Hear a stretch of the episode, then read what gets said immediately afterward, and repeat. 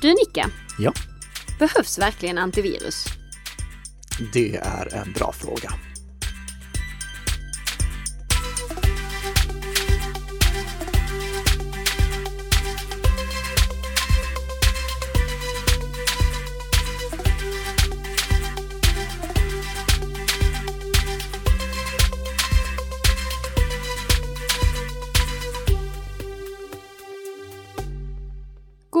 Morgon, god morgon och välkomna till ännu ett avsnitt av Bli säker-podden som produceras i samarbete mellan Nicka Systems och Bredband2.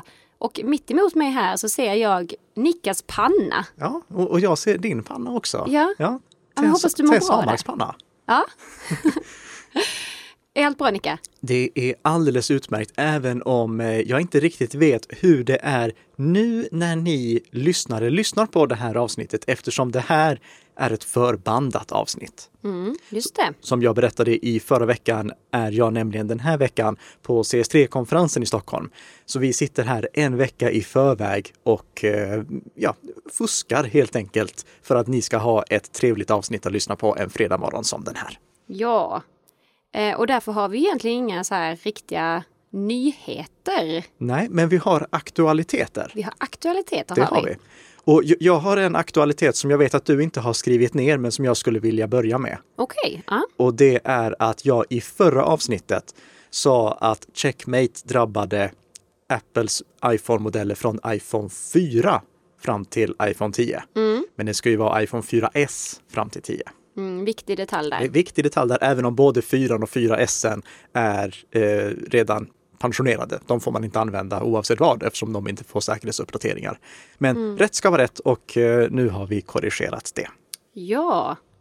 Eh, och nu blir det så här, det är egentligen denna vecka, men förra veckan får man ju säga då, i och med att det är förbandat, eh, så släppte Internetstiftelsen sin årliga rapport eh, Svenskarna och internet. Det gjorde de. Och det är ju egentligen en rapport som precis hintar om vad, vad namnet säger. Det är vad, eh, ja, svenskarnas internetvanor. Och varje år så är det här en riktig guldgruva för alla som är intresserade av statistik för hur internet används i Sverige att grotta ner sig i. Eh, Våra kollegor, eh, eller poddkollegor kan vi väl säga, eh, Emanuel Karlsten och oh, nu glömde jag vad den andra personen heter, förlåt, förlåt, som driver Mediepodden. De- De har grottat ner sig i det ur ett medielandskapsperspektiv. Men jag vet att du Tess har grottat ner dig i det ur ett IT-säkerhetsperspektiv. Ja, det var inte jättemycket om det i eh, årets rapport. Eh, men eh, i förra veckans avsnitt så pratade ju du Nika om hur viktigt det är med säkerhetskopiering. Eh, och faktum är att det är en fjärdedel svenskar som känner sig otrygga med att lagra personlig information i molntjänster som Google Drive, iCloud och Dropbox. Och inte ens hälften känner sig trygga med det. Det är ju då ett stort hinder när det kommer till eh, att säkerhetskopiera till molnlagringstjänster. Jag, jag vill först bara poängtera att vanliga molnlagringstjänster är inte de som är mest lämpade för att säkerhetskopiera till. Men jag misstänker att samma samma otrygghet förekommer med de säkerhetskopieringsanpassade molnlagringstjänsterna. Vi kommer ha ett avsnitt där vi pratar om hur man kan säkerhetskopiera till molnlagringstjänster på ett säkert sätt genom att kryptera allting innan man laddar upp det. Men eh, om du som lyssnar på det här redan nu vill komma igång med backup, så ta backup lokalt i så fall eh, i väntan på att vi går igenom hur du gör det på ett tryggt sätt till en molnlagringstjänst. För det går ju lika bra att säkerhetskopiera till en extern hårddisk under förutsättning att du inte förvarar den externa hårddisken hemma eller på kontoret, beroende på vilken dator det är som nu ska säkerhetskopieras. Eh, Vi har ju även eh, pratat om eh, att det är osäkert att ansluta till publika wifi. Eh, Och under en treårsperiod så kan vi se att använda- användandet av publika wifi så har det minskat något. Eh, Och några tänkbara anledningar kan ju vara att vi faktiskt har blivit mer säkerhetsmedvetna. Woho! Eller hur Nika? Inte illa. Eh, och eh, då skriver Internetstiftelsen att det beror på medias rapportering av de här riskerna. Eh, jag och Nika vill ju säga att vi kanske har ett litet finger i spelet här. Ja, absolut. Det är våra lyssnare. Det, här är ju medias rapportering också om det. Nej, men eh, skämt åsido, det är jätteglädjande nyheter. Sluta ansluta till, pub- till publika wifi-nät för det, det finns många risker som uppstår där kring. Jag ska inte loopa om allt det nu igen, eh, men kan bara poängtera att om du behöver ansluta till publika wifi-tjänster, för till och från behöver vi göra det. Till och från kan vi inte dela ut internet från vår mobiltelefon, utan vi behöver ansluta till ett publikt wifi-nät. Eller om vi eh, jobbar ute hos en kund, då behöver vi kanske ansluta till deras wifi-nät.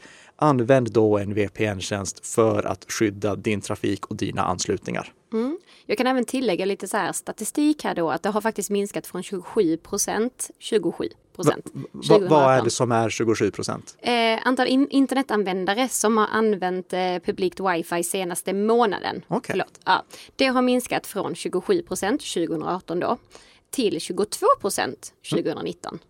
Ja. Det är väl ändå en helt okej minskning där. Snyggt. Mm. Snyggt.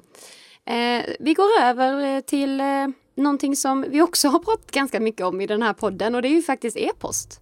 Har vi någon gång pratat om e-post? Ja, jag skulle ändå påstå det va? Ja, ja. Okay, ja. E-post versus eh, chatt. Mm. Mm. Ehm, och faktum är ju att e-post fortsätter att dominera. Men kommer chatt att ta över? Det är nämligen så att 97% använder e-post, 69% på daglig basis. Men de äldsta eller de som är äldre, det är de som faktiskt e-postar oftare än de yngre på daglig basis. Eh, för den yngre skaran så sker den dagliga kommunikationen främst via chatt. Och den dagliga chatten har dubblerats på fem år. Det är faktiskt snygga siffror att vi flyttar oss från eh, ett vanligtvis osäkert kommunikationsmedium som e-post till säkrare lösningar som chattappar. Eh, står det någonting där i om vilka chattappar det är som används? De har faktiskt bara jämfört Messenger, alltså Facebook Messenger då, WhatsApp och Skype. Mm. Och här är ju då Messenger absolut mest populärt. Och sen är det WhatsApp, det ökar, Skype minskar. Mm. Mm. Det, det förvånar mig inte. Så Signal är ju inte med i den här statistiken. Nej, det, Signal är ju den appen som vi förespråkar. Men det, det näst bästa alternativet är ju ändå eh, ur ett användarvänlighetsperspektiv när det vägs mot säkerhetsperspektivet, är WhatsApp faktiskt. Mm. I och med att WhatsApp använder signalprotokollet i grund och botten. Men mm. eh, ja, alla som använder WhatsApp borde ju gå över till Signal istället. Ja, mm. men det är ändå glädjande att se att den ökar det, det, är väldigt glädjande att se att det ökar och mm. ju mer vi flyttar från osäkra kommunikationsmedium till säkra eller säkrare kommunikationsmedium, desto bättre är det. Mm. Eh, mina siffror här var eh, slut. Mm. Eh, har du någonting att tillägga? Eh, jag har inte hunnit grotta ner mig i den här rapporten än och jag tackar för den sammanfattningen som du gav mig, för det var egentligen de sakerna jag var intresserad av. Eh, men jag har däremot en annan sak som jag skulle vilja lyfta upp så här. Mm. Eh, nu är det nämligen mindre än ett år kvar tills Office 2010 går ur tiden. Oj. Och jag ser fortfarande många som kör Office 2010. Mm. Jag vill därför passa på att poängtera att nu är det dags att uppgradera för eh, eh vi ska se här, det är den 13 oktober 2020 som Office 2010 slutar underhållas. Mm. Och det är faktiskt lite av slutet på en epok också. Okej, hur menar du nu?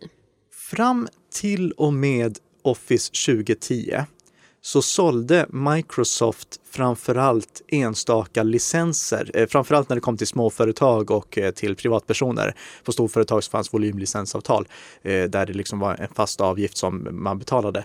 Men fram till Office 2010 då då släppte de licenser som man liksom köpte en gång och sen ifall man ville uppgradera till en nyare version då fick man betala på nytt. Mm. Sen bytte de i samband med, eller kort efter släppet av Office 2010 till den här prenumerationsmodellen som heter Office 365 där du betalar en månadsavgift istället. Just det. Och det är någonting som jag verkligen uppskattar. Och det, det, här vet jag att det finns många som tycker att, att, att det är förfärligt att betala månadsavgifter för en eh, mjukvara. Mm. Men jag ser så många fördelar med det, framförallt en jättefördel ur säkerhetsperspektiv. Och det är att från och med efterföljaren Office 2013 så har prenumerationsmodellen varit de facto standardlicensmodell. Okej. Och då får man hela tiden den senaste mjukvaran. Så jag tror att Office 2010 blir den sista Office-versionen som jag i flera år efter att produkten har slutat uppdateras fortfarande ser på privatpersoners datorer och i viss utsträckning till och med på företagsdatorer. Ja. Från och med Office 2013 så tror jag att det är väldigt, väldigt, väldigt få som ligger kvar i en gammal Office-version trots att den inte får säkerhetsuppdateringar. Utan när man betalar den här löpande avgiften, då uppgraderar man till den senaste versionen så fort det släpps. Mm. Så stor fördel ur säkerhetsperspektiv. ja. Ehm, och jag, jag gläds lite också för att inte Microsoft behöver, om man säger som så här, på slutet av 90-talet, precis början av 00-talet, då pumpade Microsoft ut nya Office-versioner fast det egentligen inte fanns någon anledning till det. Mhm. Men det var ju för att det enda sättet som de kunde få in nya pengar, det var att släppa nya Office-versioner och sluta underhålla gamla Office-versioner. Ja, det är Det, de, de hade liksom ingen eh, fast inkomst som tickade in varje månad från mindre företag och från privatpersoner. Mm. Och jag kan säga, i slutet av 90-talet, då var Word, Excel och PowerPoint färdigutvecklade. Det behövdes inte fler funktioner. Men Microsoft var ju tvungna att få in pengarna på något sätt. Så 99, då släppte de Office 2000. Mm. 2001 släppte de Office XP. 2003 släppte de Office 2003. Det är tre Office-versioner på fyra år. Ja, Och de ändrade om i gränssnittet för att det skulle se lite nytt ut och man skulle ha anledning att uppdatera. Mm. Och bara för att eh, inte någon ska få fel uppfattning. Jag säger absolut inte att det här är Eh, eh, att Microsoft tar rätt betalt. Jag, jag försöker inte på något sätt försvara deras prissättning. Jag försöker bara förklara deras prismodell för hur de tar betalt. Om man inte tycker det är värt att betala för Office 365, då tycker jag inte man ska göra det. det alltså, och om du som privatperson eller som ansvarig för licenserna på ditt företag tycker att det är för dyrt att gå över till den här prenumerationsmodellen nu när Office 2010 går ur tiden, byt då till LibreOffice. LibreOffice är en fantastisk Office-svit eh, som inte kostar en krona. Mm. Men, men, men ligg inte kvar på gamla Office-versioner utan antingen uppgradera till eh, ett modernt alternativ eh, med prenumerationsmodell från Microsoft eller byt till ett gratispaket som till exempel LibreOffice. Mm, bra. Bra tips. Mm.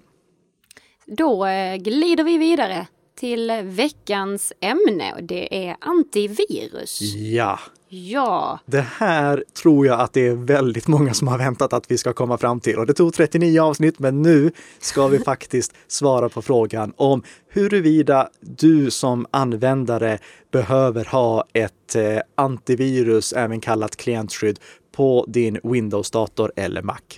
Och precis som i förra avsnittet då vi pratade om fem tips som gör din dator säker, så avgränsar vi oss nu till att prata om Windows-datorer och Macar. Det är det vi fokuserar på i det här avsnittet för att vi ska liksom hinna med det på 30 minuter. ja. Och sen Och- måste jag säga så här, för transparensens skull här, Mm. så är det ju att vi på Bredband2 är ju återförsäljare av F-Secures eh, antivirusprogram. Mm. Safe. Ja. Ja, Vilket innebär att då får du inte ge några rekommendationer. jag ger inga rekommendationer. Nej. Eh, Jag eh, som då representerar Nika Systems har eh, däremot inget samarbete med någon antivirustillverkare. Så jag ser inga problem att jag ger någon rekommendation här. Jag tjänar inte någonting på att rekommendera något specifikt klientskydd. Och, och jag tjänar inte ens indirekt på Bredband2s rekommendationer och era eh, försäljningar. För Nika Systems och Bredband2 gör den här podden i ett helt ekonomiskt oberoende samarbete. Bredband2 betalar inte en enda krona till Nika Systems. Nika Systems betalar inte en enda krona till Bredband2, utan vi gör bara den här podden för att vi båda två tycker att det är intressant att prata om IT-säkerhetsfrågor ur ett användarperspektiv. Ja, Så, så med det sagt. ja, nej, och, och, och ni, ni lyssnare som tyckte att det där var väl onödigt. Vi kan väl säga som så här, det finns många sajter på internet som ger rekommendationer som i själva verket är för textreklam. Och därför så tyckte jag att det var viktigt att få fram det här också. Ja. Men Eh. ska vi börja så här bena ut lite? För att du nämnde ju det här, det finns ju klientskydd, Ja. benämner du det som. Jag, jag kallar det klientskydd. Ja, och för andra kanske är det antivirus. Mm. Men sen så är det något som är det anti-malware också. Ja, det är ytterligare en term för exakt samma sak. Okej. historiskt sett, när, när behovet av antivirus uppstod, antivirusprogram uppstod, då var det för att skydda framförallt mot virus. Men som vi pratade om i genomgången av olika typer av skadeprogram som man behöver skydda sig mot, så är det mycket, mycket mer än bara virus vi behöver skydda oss mot. Vi behöver skydda oss mot maskar, trojaner och allt annat också. Mm. Och därför eh, har vissa företag valt att benämna sin antivirusprodukt anti-malware istället, alltså antiskadeprogram. Och det är ju egentligen en tekniskt mer korrekt term än antivirus. Men det är exakt samma typ av mjukvara det syftar på. Dagens antivirus kallas bara antivirus för att det alltid har gjort det. Mm. Dagens antivirus skyddar mot alla skadeprogram precis som anti-malware-program gör. Så det, Eh, om någon tänker, ja, jag borde köpa ett anti-malware istället för ett antivirus. Nej, det är exakt samma sak det syftar på. Mm. Ingen skillnad överhuvudtaget, bara två olika sätt att benämna det. Och jag kallar det klientskydd i de här sammanhangen. Jag vet att vi kommer låta rubriken på det här avsnittet ha någonting med antivirus att göra, men det är för att fler är bekanta med termen antivirus än klientskydd.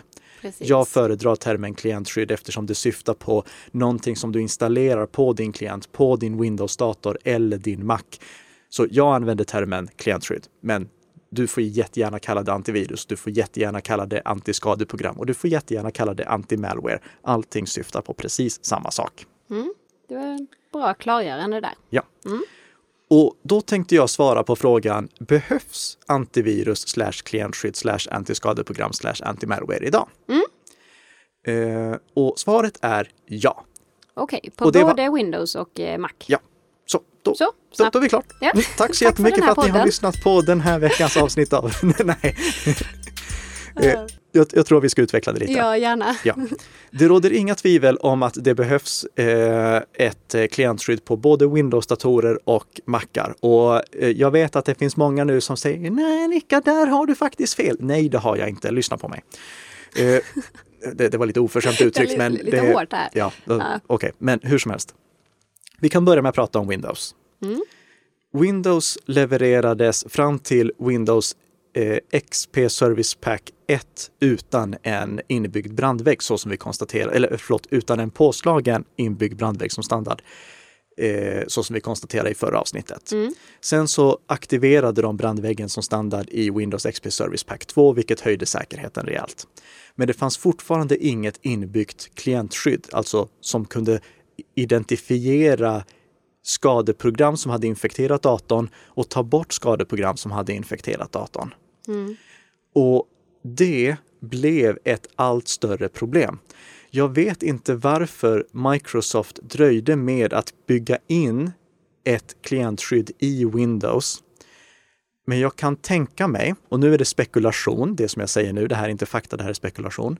Mm. Jag tror att det hänger ihop med att på den här tiden, då var Microsoft i så många tvister där de eh, eh blev anklagade för att snedvrida konkurrensen, till exempel när de bundlade Windows Media Player i Windows. Ja, alltså när de skickade det. med Windows Media Player. Ja. Så det, det, sätter lite situationen i perspektiv. Vad hade hänt ifall de hade eh, skickat med eh, ett eh, klientskydd?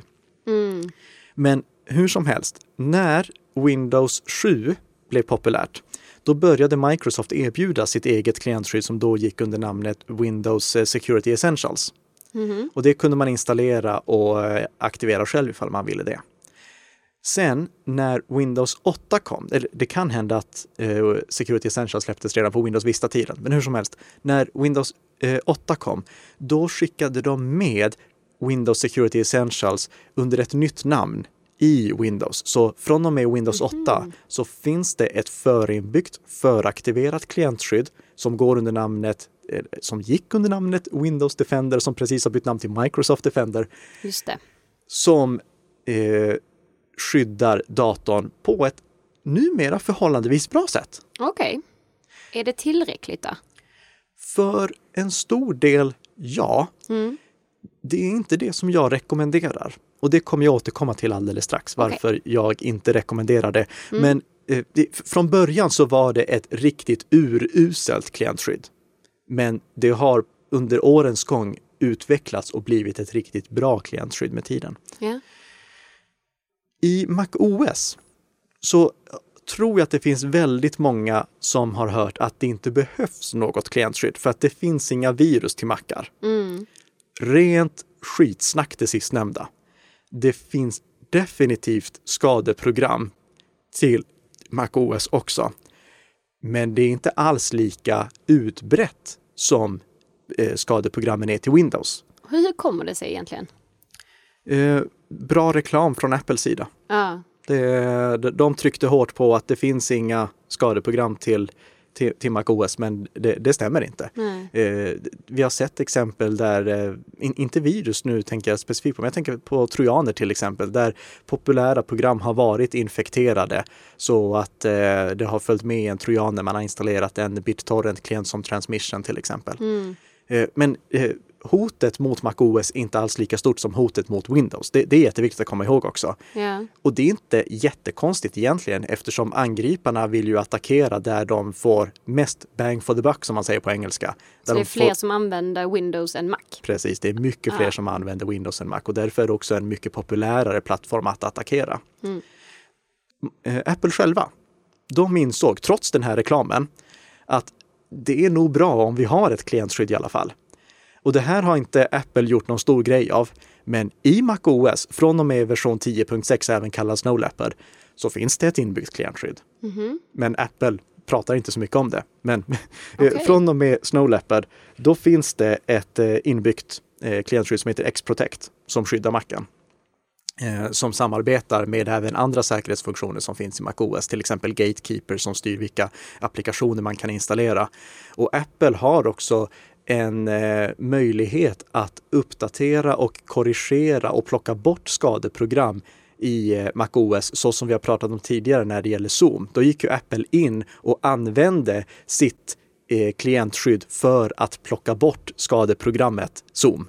Just det.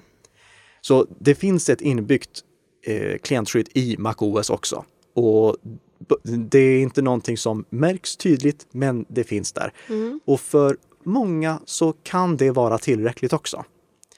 Hur ska Jag- man kunna veta det liksom? Ja, det, jag kommer att ge en annan rekommendation. Ja. Men eh, det kan vara tillräckligt för många. Jag vill bara förklara det här som bakgrunden till när jag påstår eh, att svaret på frågan om huruvida det behövs ett klientskydd till Windows och MacOS är utan tvekan ja, så är det för att Microsoft och Apple själva skickar med det. Det är ett väldigt tydligt bevis på att det behövs. Så d- den frågan eh, är inte uppe för diskussion än så längre. Däremot är det en fråga om man behöver ett annat klientskydd än det som Microsoft och Apple skickar med. Mhm. Och då får vi börja fundera lite. För som jag sa, både det som är förinbyggt i Windows och det som är förinbyggt i MacOS är ganska bra. Jag rekommenderar trots det inte att använda och förlita sig på de inbyggda klientskydden. Och det finns flera anledningar till det. För det första så finns det en stor risk med att eh, själva säkerhetsmekanismerna som ska detektera skadeprogram blir för homogena. Vi vill inte att alla våra datorer ska vara skyddade med samma skadeprogram. Vi vill att det ska finnas, skyddade med samma klientskydd ska jag säga. Vi vill inte att det ska finnas eh, liksom ett och samma klientskydd överallt. För om det då upptäcks ett fel i det, en möjlighet att gå förbi det, Mm. Då kan det få ödesdigra konsekvenser. För då kan vi få ett sånt här nytt eh, utbrott där en mask lyckas ta över massvis av datorer. Mm, just det. Så vi vill ha lite variation där. Och sen är inte heller de klientskydden de mest användarvänliga. Och det finns ganska stor risk för framförallt eh, falsklarm. Inte minst, eller jag- skulle säga risk, risken för falsklarm är överhängande när det gäller framförallt Microsofts eh, program eh, Microsoft Defender. Där dyker det ofta upp varningar som säger det här är ett skadeprogram fast det i själva verket inte är det. Och det kan jag säga är lika, inte lika, men nästan lika allvarligt som att ett eh, antivirusprogram missar att identifiera ett skadeprogram. För om vi får varningar hela, tiden om att det här är ett skadeprogram, det här är ett skadeprogram, det här är ett skadeprogram, då litar vi till slut inte på det. Då tror vi att ja, ja men det, jag vet ju att det här inte är ett skadeprogram och då ignorerar vi bara de här varningarna. Ja. Så vi vill ha klientskydd som är bra på att detektera skadeprogram, som inte tar för mycket prestanda i anspråk, vilket också var ett stort problem med Microsofts produkt tidigare. Och som inte falsklarmar. Mm. Idag finns det bra jämförelsesajter, till exempel AV-test, AV Comparatives, eh, Virus Bulletin. Jag lägger med länkar till de här också. Vad är det som gör att de är så bra? Eh, de är eh, så pass oberoende som det går att få. Okej. Eh, För de testar olika klientskydd, ställer dem mot varandra och ger oberoende betyg för hur väl de har presterat. Mm. Det som gör att man ska vara, jag vill samtidigt att man ska vara medveten om att de klientskydden som testas är de som betalar för att de ska vara med. Det går inte att köpa en bra rekommendation av något av de här organisationerna. Men det är bara de klientskydden vars tillverkare betalar för att de ska vara med som testas. Mm. Och det är inte så konstigt för de måste finansieras på något sätt och det, det här är liksom det bästa som vi kan, vi kan ha när vi väljer vilket klientskydd vi vill gå på. Ja, det är klart. Så jag, jag skulle rekommendera att man, man kollar där och väljer ett klientskydd som presterar bra på de punkterna som är viktiga för en. Mm. För, för vissa är det viktigast att det är så låg prestandapåverkan som möjligt. Och det, det här är en av anledningarna till att eh, folk stänger av klientskyddet i Windows. Det går inte att stänga av i MacOS. Är det inte också så här om man gamer mycket och så? Ja, precis. Det, det, det finns gamers som stänger av klientskyddet för att de tycker att det påverkar prestandan. Men då skulle jag säga byt till ett snålare klientskydd istället. Ett som inte eh, påverkar prestandan lika mycket. Eh, Och då kan du använda de här mätningarna för att se hur olika klientskydd har presterat. Så stäng aldrig av ditt klientskydd. Du behöver det på din dator. Men du kan välja ett som är resurssnålare. Mm. Vi har en del frågor här också eh, som handlar om eh, huruvida man bara kan förlita sig på eh, simpla skanningsmotorer som är webbaserade, till exempel Virus Total. Mm. Eh, varför dagens eh, klientskydd fungerar så mycket effektivare än de gjorde förr. För förr i tiden så vet jag att de tyngde ner datorn något alldeles enormt och det var det som gjorde att klientskydd fick ett dåligt rykte. Eh, behövs egentligen eh, de här moderna klientskydden som, eh, är, som använder machine learning och artificial intelligence? Vad Oh. innebär det? Och är signaturer helt passé? Ja, det är sådana frågor som vi kommer att grotta oss vidare i i nästa vecka när vi pratar mer om just de här klientskydden, valet av klientskydd och vad du ska tänka på när du ska säkra din dator. Du har så många strängar på din lyra, Nicka. Ja, det, Så cliffhanger efter cliffhanger. det, det blir mycket cliffhangers Ja, här, det men, det. men det är ju för att jag ser att eh, tiden har gått ut. Ah, jag, hade tänkt Som ta- vanligt. jag hade tänkt ta med det den här veckan, eh, men vi hinner inte med det utan vi får spara det till nästa vecka och då kommer vi också svara på en fråga som vi har fått in på Facebook som lyder om ens dator har blivit infekterad, vilka steg ska man ta för att veta att en system är helt säkert att använda igen? Väldigt, väldigt bra fråga. Det vill du inte missa svaret på. Så prenumerera på Bli säker-podden så får du nästa veckas eh, avsnitt direkt ner till din poddspelare så att du varje vecka kan bli lite säkrare för varje fredag som går. Med det sagt eh, återstår bara för eh, oss att tacka för den här veckan. Och säga glad helg. Glad helg!